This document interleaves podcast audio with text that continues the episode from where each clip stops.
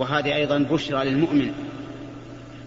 إذا ابتلي بالمصيبة فلا يظن أن الله سبحانه وتعالى يبغضه. بل قد يكون هذا من علامة محبة الله للعبد. يبتليه سبحانه وتعالى بالمصائب فإذا رضي الإنسان وصبر واحتسب فله الرضا. وإن سخط فله السخط. وفي هذا حث على أن الإنسان يصبر على المصائب حتى يكتب له الرضا من الله سبحانه وتعالى. والله موفق. نقل المؤلف رحمه الله تعالى عن أنس رضي الله عنه قال كان ابن لأبي طلحة رضي الله عنه يشتكي فخرج أبو طلحة فقبض الصبي فلما رجع أبو طلحة قال ما فعل ابني؟ قالت أم سليم وهي أم الصبي. هو أسكن ما كان فقربت له العشاء فتعشى ثم أصاب منها. فلما فرغ قالت وار الصبي. فلما أصبح أبو طلحة أتى رسول الله صلى الله عليه وسلم فأخبره فقال أعرستم الليلة؟ قال نعم. قال اللهم بارك لهما. فولدت غلاما فقال لي أبو طلحة احمله حتى تأتي به النبي صلى احمله حتى تأتي به النبي صلى الله عليه وسلم. وبعث معه بتمرات. فقال أمعه شيء؟ قال نعم تمرات.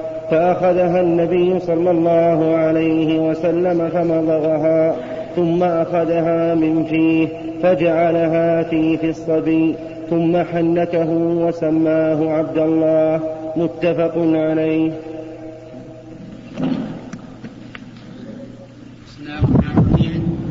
هذا الحديث الذي نقله المؤلف عن أنس بن مالك رضي الله عنه. عن أبي طلحة أنه كان له ابن يشتكي يعني مريضا وأبو طلحة كان زوج أم أنس بن مالك رضي الله عنه. وكان هذا الصبي يشتكي فخرج أبو طلحة لبعض حاجاته فقبض الصبي يعني مات. فلما رجع سأل أمه عنه. فقال كيف ابني؟ قالت هو أسكن ما يكون. وصدقت في قولها هو أسكن ما يكون لأنه مات. ولا سكون أعظم من سكون الموت. وأبو طلحة رضي الله عنه فهم أنه أسكن ما يكون من المرض وأنه في عافية. فقدمت له العشاء. فتعشى على أن ابنه بريء وطيب ثم أصاب منها يعني جامعه فلما انتهى قالت له وار الصبي يعني ادفن الصبي فإنه قد مات. فلما أصبح أبو طلحة رضي الله عنه ووارى الصبي وعلم بذلك النبي صلى الله عليه وسلم سأل هل آرستم الليلة؟ قالوا قال نعم فدعا لهما بالبركة. اللهم بارك لهما في ليلتهما. فولدت غلاما سماه عبد الله وكان لهذا الولد عشرة من الولد كلهم يقرؤون القرآن ببركة دعاء النبي صلى الله عليه وسلم. ففي هذا الحديث دليل على قوة صبر أم سليم رضي الله عنها. وأن ابنها الذي مات بلغ بها الحال إلى أن تقول لزوجها هذا القول وتوري هذه التورية وقدمت له العشاء ونال منها ثم قالت ادفن الولد. وفي هذا دليل على جواز التورية. تورية يعني أن يتكلم الإنسان بكلام يخالف تخالف نيته ما فيها ما في ظاهر هذا الكلام. يعني له كلام له ظاهر هو المتبادر إلى ذهن المخاطب وله معنى آخر مرجوح لكن هو المراد في نية المتكلم فيظهر خلاف ما يريد. وهذا جائز ولكنه لا لا ينبغي إلا للحاجة. إذا احتاج الإنسان إليه لمصلحة أو دفع مضرة فليوري.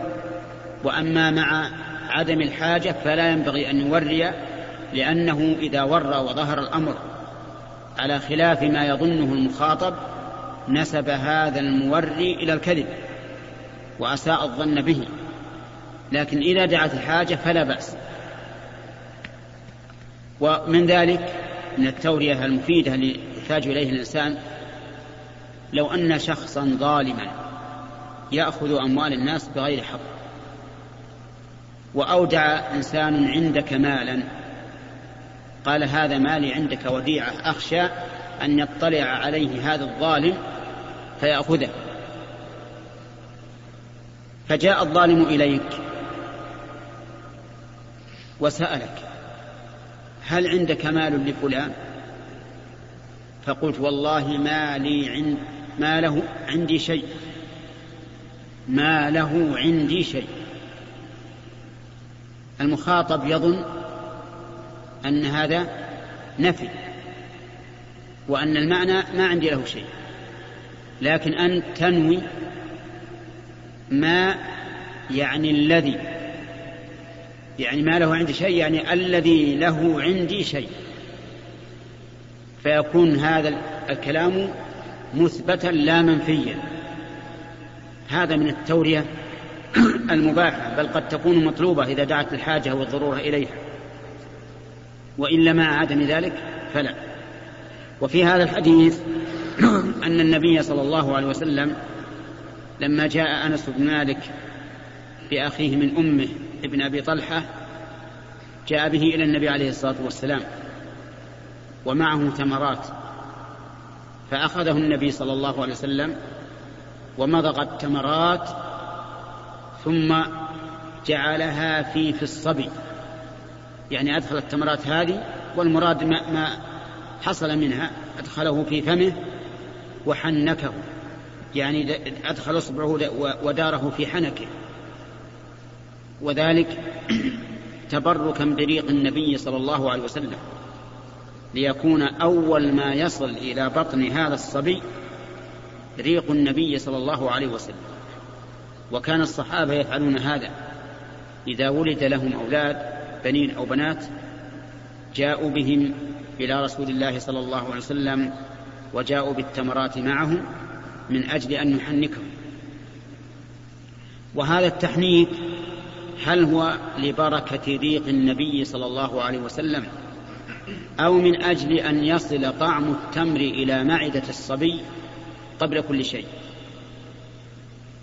إن قلنا بالأول صار التحنيك من خصائص الرسول صلى الله عليه وسلم فلا يحنك أحد صبيا لأنه لا أحد يتبرك بريقه وعرقه إلا رسول الله صلى الله عليه وسلم.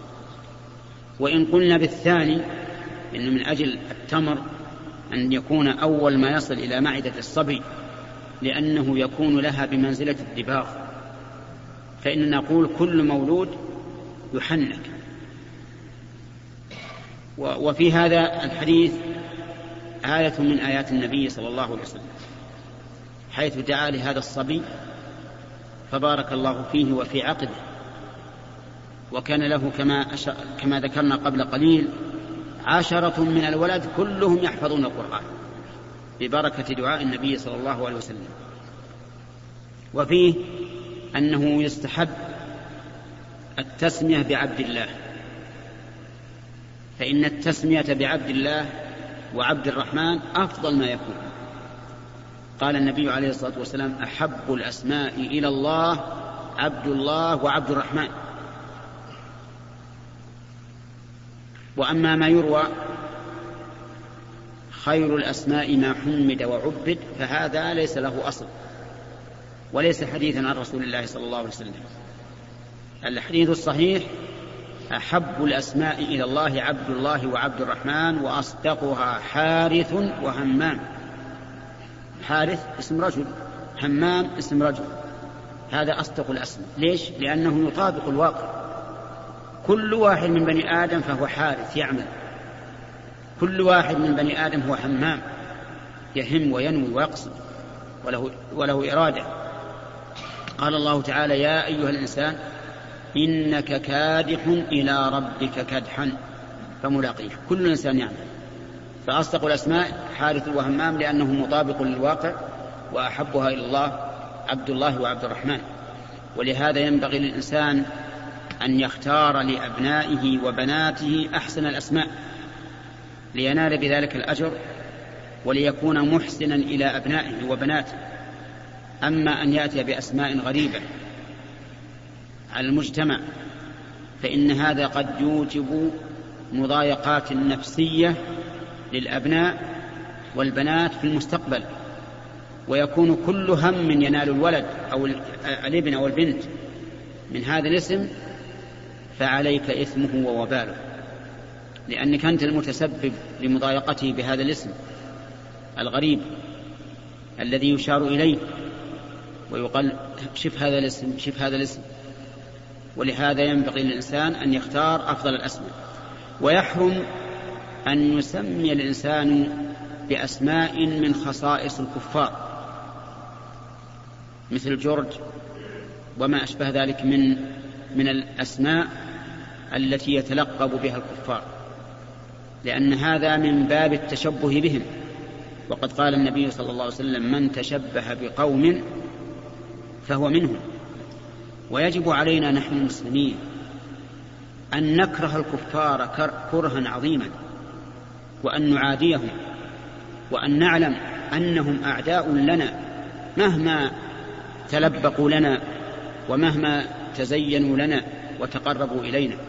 فهم أعداؤنا حقا وأعداء الله عز وجل وأعداء الملائكة وأعداء الأنبياء وأعداء الصالحين. هم أعداء. لو تلبسوا بالصداقة أو زعموا أنهم أصدقاء فإنهم والله هم الأعداء. أعداء يجب أن نعاديهم. ولا فرق بين الكفار الذين لهم شأن وقيمة في العالم أو الكفار الذين ليس لهم شأن. حتى الخدم والخادمات. يجب أن نكره أن يكون في بلدنا خادم أو خادمة من غير المسلمين.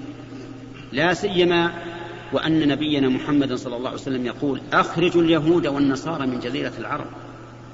ويقول عليه الصلاة والسلام لأخرجن اليهود والنصارى من جزيرة العرب حتى لا. لا أدع إلا مسلما. ويقول أخرج المشركين في مرض موته في آخر حياته وهو يودع الأمة. يقول أخرج المشركين من جزيرة العرب. وبعض الناس الآن نسأل الله العافية يخير بين عامل مسلم وعامل كافر فيختار الكافر. نسأل الله العافية. قلوب زائغة ضالة ليست إلى الحق مائلة. يختارون الكفار. يزين لهم الشيطان أعمالهم. يقولون كذبا وزورا وبهتانا إن الكافر أخلص بعمله من المسلم. أعوذ بالله. يقول الكافر ما يصلي. نستغل وقته بالعمل في وقت الصلاة. ما يطلب يروح العمرة يروح الحج ما يصوم. دائما في عمل. ولا يهمهم هذا الشيء مع أن خالق الأرض والسماوات يقول ولعبد مؤمن خير من مشرك ولو أعجبه. أولئك يدعون إلى النار. والله يدعو إلى الجنة والمغفرة بإذنه. فيجب عليكم أيها الأخوة يا من استمعتم قولنا هذا أن تناصحوا إخوانكم الذين اغتروا وزين لهم الشيطان جلب الكفار إلى بلادنا. خدما وعمالا وما أشبه ذلك. يجب أن يعلموا أن في ذلك إعانة للكفار على المسلمين. لأن هؤلاء الكفار يؤدون ضرائب لحكوماتهم. ضرائب لحكوماتهم يقوون الحكومات على المسلمين. والشواهد على هذا كثيرة. فالواجب علينا أن نتجنب الكفار بقدر ما نستطيع.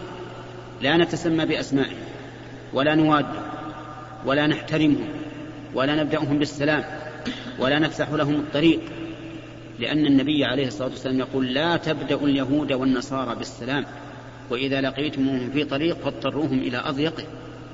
أين, أين نحن من هذه التعليمات؟ أين نحن من كلام الرسول عليه الصلاة والسلام الذي لا ينطق عن الهوى؟ لماذا لا نحذر إذا كثر فينا الخبث من الهلاك؟ استيقظ النبي عليه الصلاة والسلام ذات ليلة محمرا وجهه. قام من النوم محمرا وجهه. يقول لا إله إلا الله. ويل للعرب من شر قد اقترب. إنذار تحذير. ويل للعرب حملت لواء الإسلام. من شر قد اقترب. فتح اليوم من ردم يأجوج ومأجوج مثل هذه. وقال بأصبعه الإبهام والسبابة قالت زينب يا رسول الله أنا أهلك وفينا الصالحون؟ قال نعم. إذا كثر الخبث نهلك وفينا الصالحون. إذا كثر الخبث الخبث العملي والخبث البشري. إذا كثر الخبث في أعمالنا فنحن عرضة للهلاك. إذا كثر البشر النجس في بلادنا فنحن عرضة للهلاك. والواقع شاهد بهذا. نسأل الله أن يحمي بلادنا من أعدائنا الظاهرين والباطنين وأن يكبت المنافقين والكفار ويجعل كيدهم في نحورهم إنه جواد كريم. نقل المؤلف رحمه الله تعالى في سياق حديث أنس وفي رواية للبخاري قال ابن عيينة فقال رجل من الأنصار فرأيت تسعة أولاد فرأيت تسعة أولاد كلهم قد قرأوا القرآن يعني من أولاد عبد الله المولود وفي رواية لمسلم مات ابن لأبي طلحة من أم سليم فقالت لأهلها لا تحدثوا أبا طلحة بابنه حتى أكون أنا أحدثه. فجاء فقربت إليه عشاء فأكل وشرب ثم تصنعت له. أحسن ما كانت تصنع قبل ذلك فوقع بها. فلما أرأت أنه قد شبع وأصاب منها قالت يا أبا طلحة أرأيت لو أن قوما أعاروا عاريتهم أهل بيت فطلبوا عاريتهم ألهم أن يمنعوهم؟ قال لا. فقالت فاحتسب ابنك. قال فغضب ثم قال تركتني حتى إذا تلطخت ثم أخبرتني بابني. حتى تركتني حتى تركتني حتى إذا تلطخت ثم أخبرتني بابني. فانطلق حتى أتى رسول الله صلى الله عليه وسلم فأخبره بما كان. فقال رسول الله صلى الله عليه وسلم بارك الله في ليلتكما. قال فحملت. وكان رسول الله صلى الله عليه وسلم في سفر وهي معه. وكان رسول الله صلى الله عليه وسلم إذا أتى المدينة من سفر لا يطرقها طرقا. فدنوا من المدينة فضربها المخاض. فاحتبس عليها أبو طلحة وانطلق رسول الله صلى الله عليه وسلم. قال يقول أبو طلحة إنك لتعلم يا رب أنه يعجبني أن أخرج مع رسول الله صلى الله عليه وسلم إذا خرج وأدخل معه إذا دخل وقد احتبست بما ترى. تقول أم سليم يا أبا طلحة ما أجد الذي كنت أجد. انطلق. فانطلقنا وضربها المخاض. حين قدمنا فولدت غلاما. فقالت لي أمي يا أنس لا يرضعه أحد حتى تغلو به على رسول الله صلى الله عليه وسلم. فلما أصبح احتملته فانطلقت به إلى رسول الله صلى الله عليه وسلم وذكر تمام الحديث. بسم الله الرحمن الرحيم. هذا بقية الحديث الذي رواه أنس بن مالك رضي الله عنه في قصة أبي طلحة حين مات له ابن صغير. يقول في في إحدى الروايات أن أم سليم رضي الله عنها لما جاء أبو طلحة بعد أن توفي الابن الطفل الصغير قالت له أرأيت لو أن قوما أعاروا عارية لأناس ثم جاءوا يطلبونها هل لهم أن يمنعوها أن يمنعوهم منها؟ قال لا. إذا جاء صاحب العرية يقول أعطني الذي أعرتك فإنه لا يمنعه قالت فاحتسب ابنك. يعني أن الأولاد عندنا عارية وهم ملك لله عز وجل متى شاء أخذه. فضربت له هذا المثل من أجل أن يقتنع ويحتسب الأجر على الله سبحانه وتعالى. وهذا يدل على ذكائها رضي الله عنها وعلى أنها امرأة عاقلة صابرة محتسبة وإلا فإن الأم كالأب ينالها من الحزن على ولدها مثل ما ينال ما ينال الأب وربما تكون أشد حزنا لضعفها وعدم صبرها. وفي هذا الحديث بركة دعاء النبي صلى الله عليه وسلم حيث كان له تسعة من الولد أو عشرة من الولد كلهم يقرؤون القرآن ببركة دعاء النبي صلى الله عليه وسلم. وفيه أيضا كرامة لأبي طلحة رضي الله عنه لأن أبا طلحة كان خرج مع النبي صلى الله عليه وسلم في سفر وكانت معه أم سليم بعد أن حملت فلما رجع النبي صلى الله, صلى الله عليه وسلم من السفر أتاها المخاض. يعني جاءها الطلق قبل أن يصلوا إلى المدينة. وكان النبي صلى الله عليه وسلم لا يحب أن يطرق أهله طروقا يعني لا يحب أن يدخل عليهم ليلا دون أن يخبرهم بالقدوم. فدعا أبو طلحة رضي الله عنه ربه. وقال اللهم إنك تعلم أنني أحب أن لا يخرج النبي صلى الله عليه وسلم مخرجا إلا وأنا معه ولا يرجع مرجعا إلا وأنا معه. وقد أصابني ما ترى. يقوله لله عز وجل يناجي ربه سبحانه وتعالى. تقول أم سليم فما, فما وجدت الذي كنت أجده من قبل؟ يعني هان عليها الطلق ولا كأنها تطلق. قالت أم سليم لزوجها أبو طلحة فانطلق فانطلق ودخل المدينة مع رسول الله صلى الله عليه وسلم. ولما وصلوا إلى المدينة وضعت. ففي هذا كرامة لأبي طلحة رضي الله عنه حيث خفف الله الطلق على امرأته بدعائه. ثم لما وضعت قالت أم سليم لابنها أنس بن مالك وهو أخو هذا الحمل الذي ولد أخوه من أمه. قالت احتمله إلى رسول الله صلى الله عليه وسلم اذهب به إلى رسول الله صلى الله عليه وسلم كما هي عادة أهل المدينة إذا ولد لهم ولد يأتون به إلى رسول الله صلى الله عليه وسلم ومعهم تمر فيأخذ النبي صلى الله عليه وسلم التمرة فيمضغها بفمه ثم يحنك بها الصبي لأن في ذلك فائدتين الفائدة الأولى بركة ريق النبي صلى الله عليه وسلم وكان الصحابة رضي الله عنهم يتبركون بريق النبي صلى الله عليه وسلم وبعرقه حتى كان من عادتهم أنه إذا كان في الصباح وصلى الفجر أتوا بآنية فيها ماء فغمس النبي صلى الله عليه وسلم يديه في الماء وعرك يديه في الماء فيأتي به الصبيان يأتون بهذا الماء ثم ينطلقون به إلى أهليهم يتبركون بأثر النبي صلى الله عليه وسلم.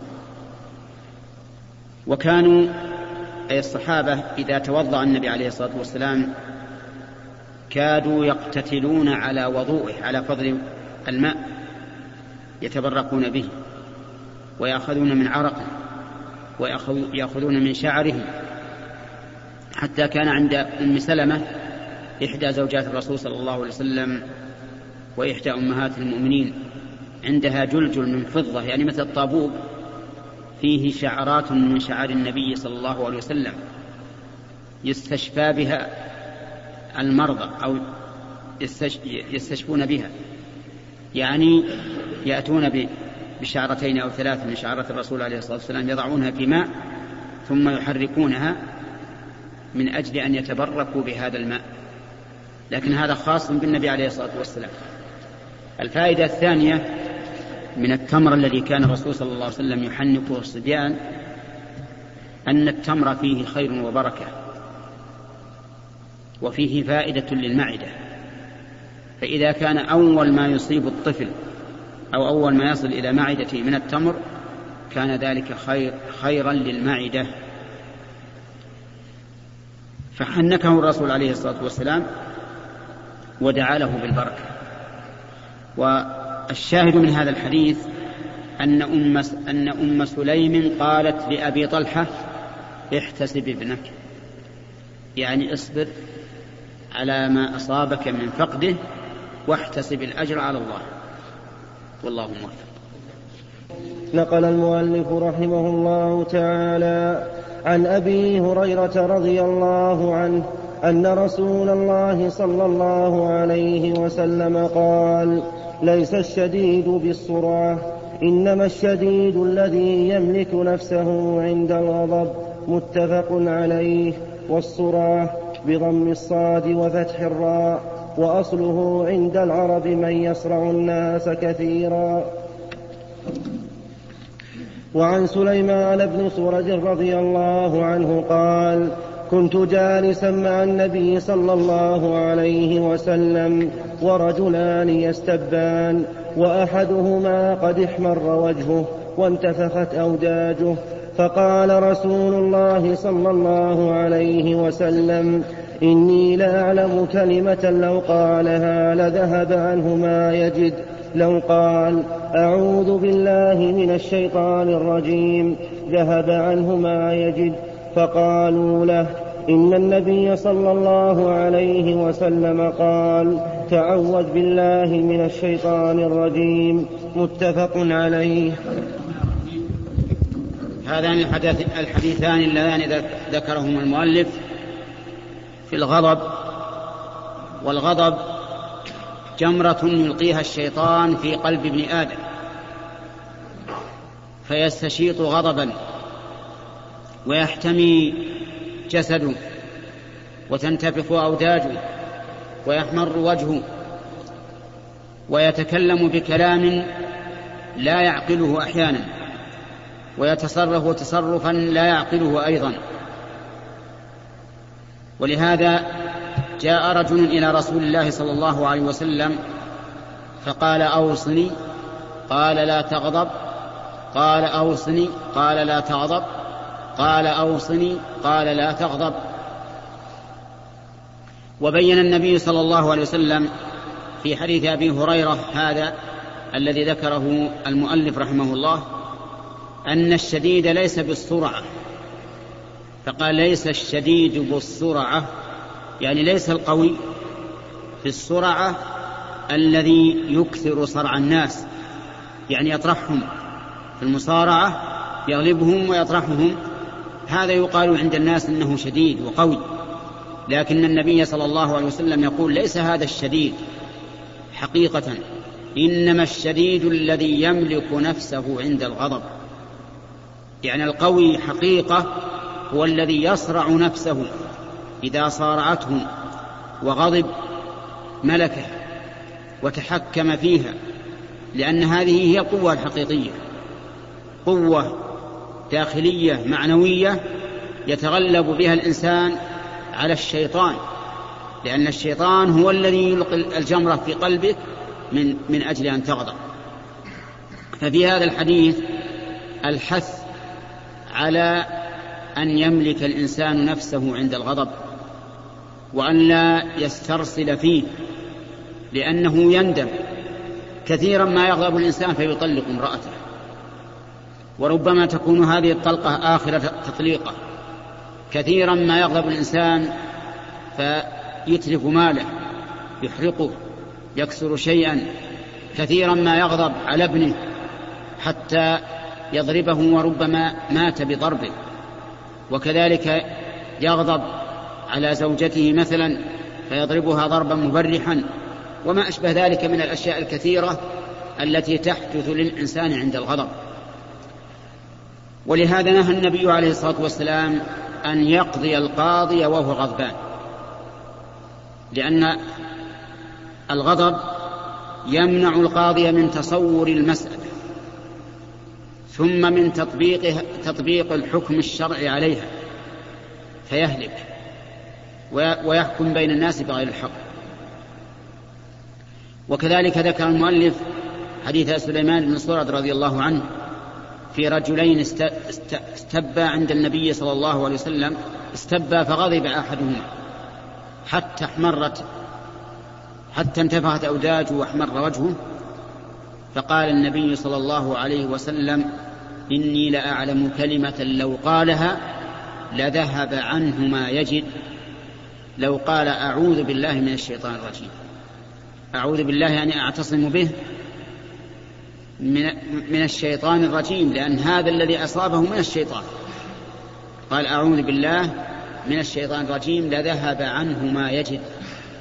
وعلى هذا فنقول المشروع للإنسان إذا غضب أن يحبس نفسه وأن يصبر وأن يتعوذ بالله من الشيطان الرجيم. تقول أعوذ بالله من الشيطان الرجيم. وأن يتوضأ. فإن الوضوء يطفئ الغضب. وإن كان قائما فليقعد. وإن كان قاعدا فليضطجع. وإن خاف خرج من المكان الذي هو فيه حتى لا ينفذ غضبه. فيندم بعد ذلك. والله موفق. قال رحمه الله تعالى وعن معاذ بن أنس رضي الله عنه أن النبي صلى الله عليه وسلم قال من كظم غيظا وهو قادر على أن ينفذه دعاه الله سبحانه وتعالى على رؤوس الخلائق يوم القيامة. حتى يخيره من الحور العين ما شاء. رواه أبو داود والترمذي وقال حديث حسن.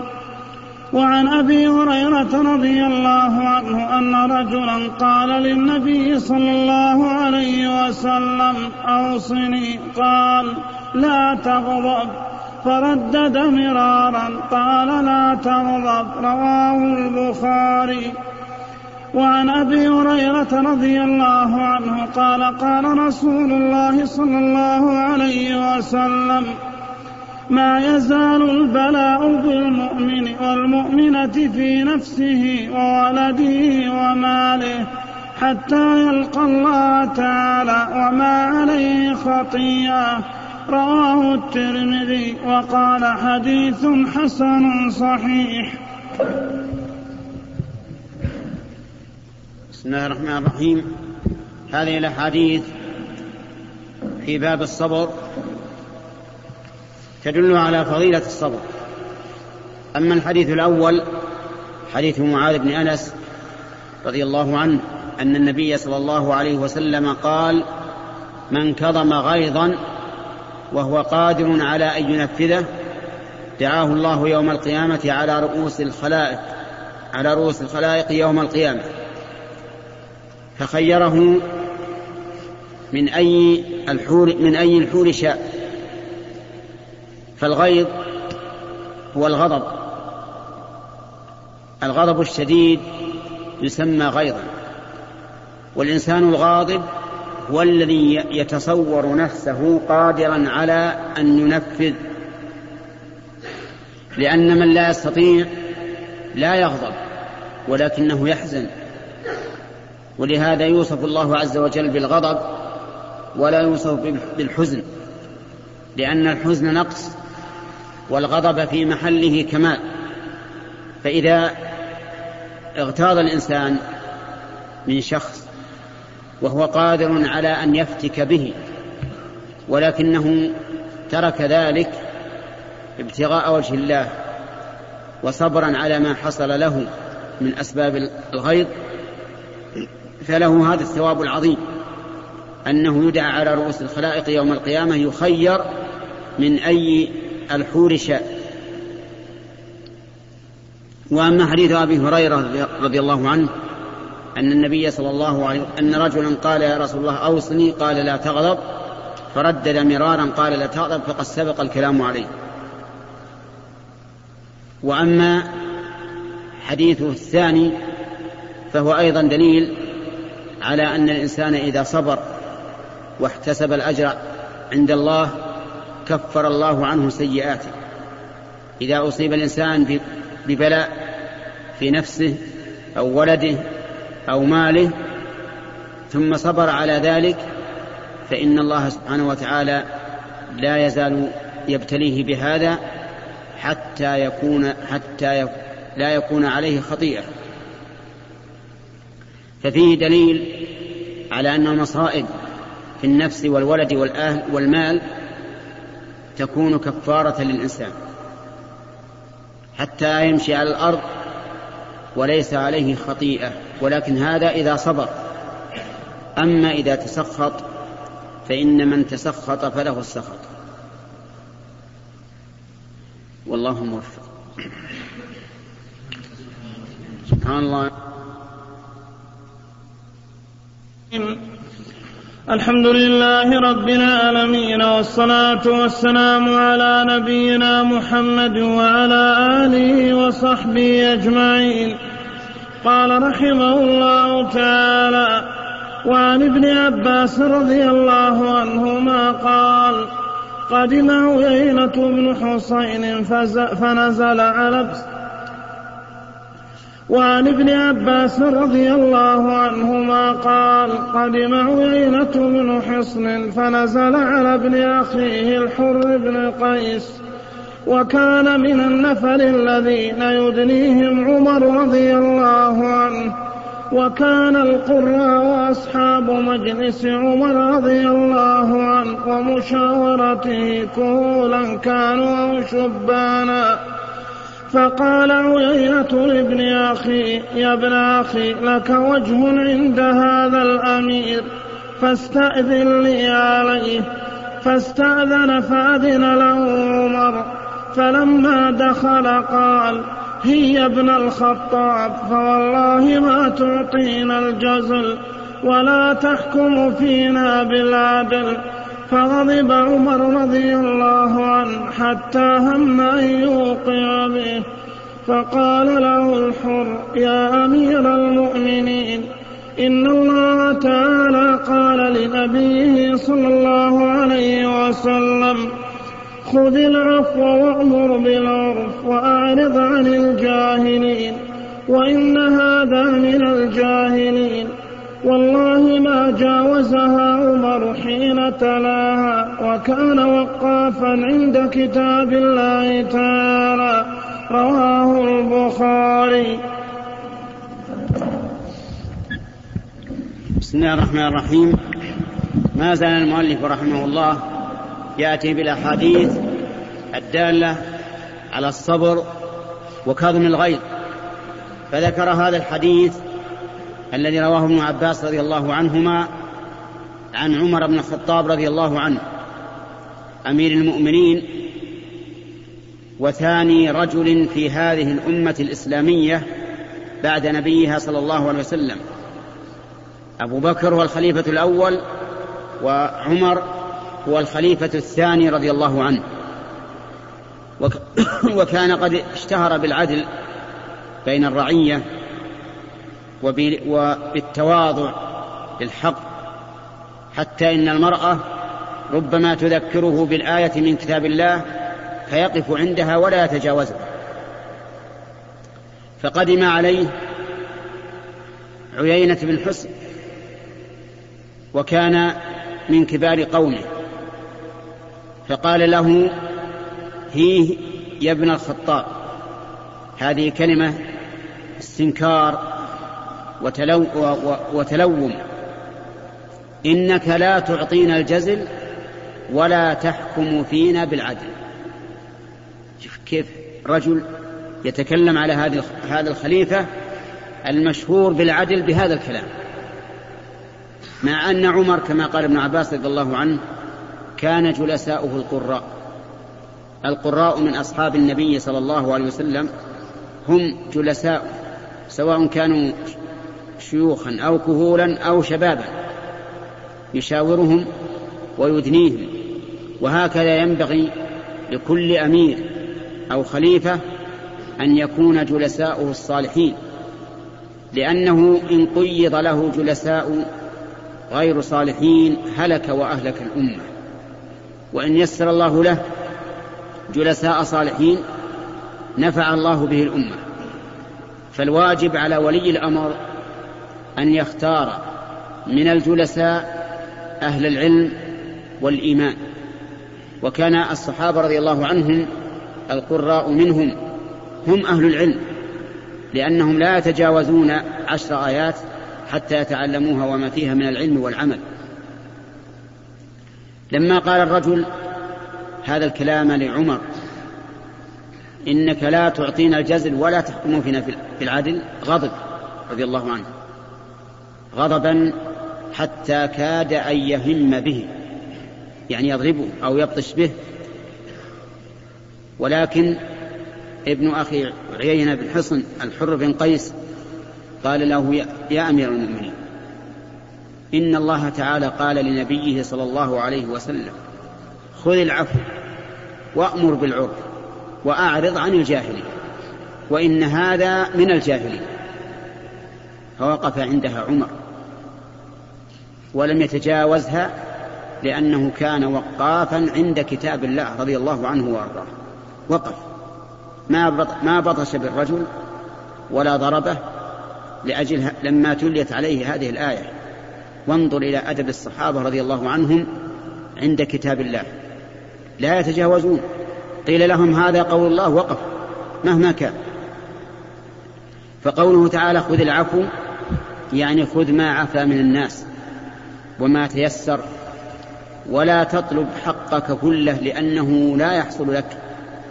فخذ منهم ما عفا وسهل.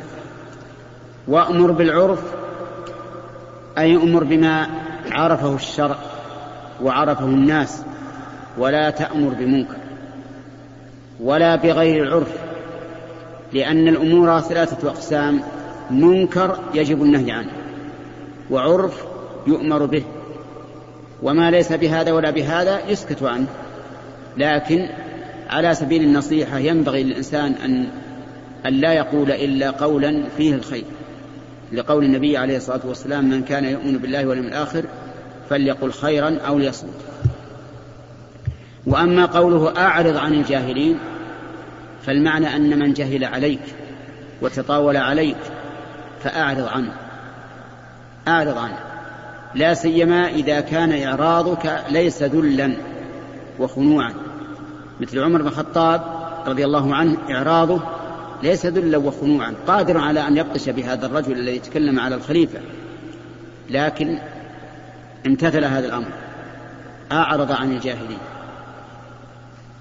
والجهل له معنيان أحدهما عدم العلم بالشيء. والثاني السفه والتطاول ومنه قول الشاعر الجاهلي ألا لا يجهلن أحد علينا فنجهل فوق جهل الجاهلين. يعني لا يسمح علينا أحد يتطاول علينا فنكون أشد منه. لكن هذا شعر جاهلي. أما الأدب الإسلامي فإن الله تعالى يقول ولا تستوي الحسنة ولا السيئة ادفع بالتي هي أحسن فإذا الذي بينك وبينه عداوة كأنه ولي حميم. سبحان الله. إنسان بينك وبينه عداوة أساء إليك ادفع بالتي هي أحسن. فإذا دفعت بالتي هي أحسن ففورا يأتيك الثواب والجزاء. فإذا الذي بينك وبينه عداوة كأنه ولي حميم أي قريب صديق في غاية ما يكون من الصداقة والقرب. الذي يقوله من؟ هو الله عز وجل مقلب القلوب. ما من قلب من قلوب بني آدم إلا بين أصبعين من أصابع الرحمن عز وجل. أخي الكريم تود مؤسسة الاستقامة الإسلامية للإنتاج والتوزيع في عنيزة.